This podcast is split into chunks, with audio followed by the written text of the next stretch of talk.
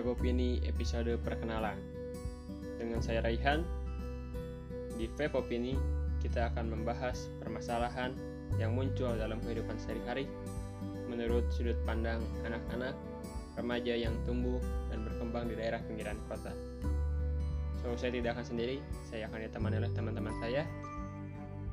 Jadi mau tahu sudut pandang kami?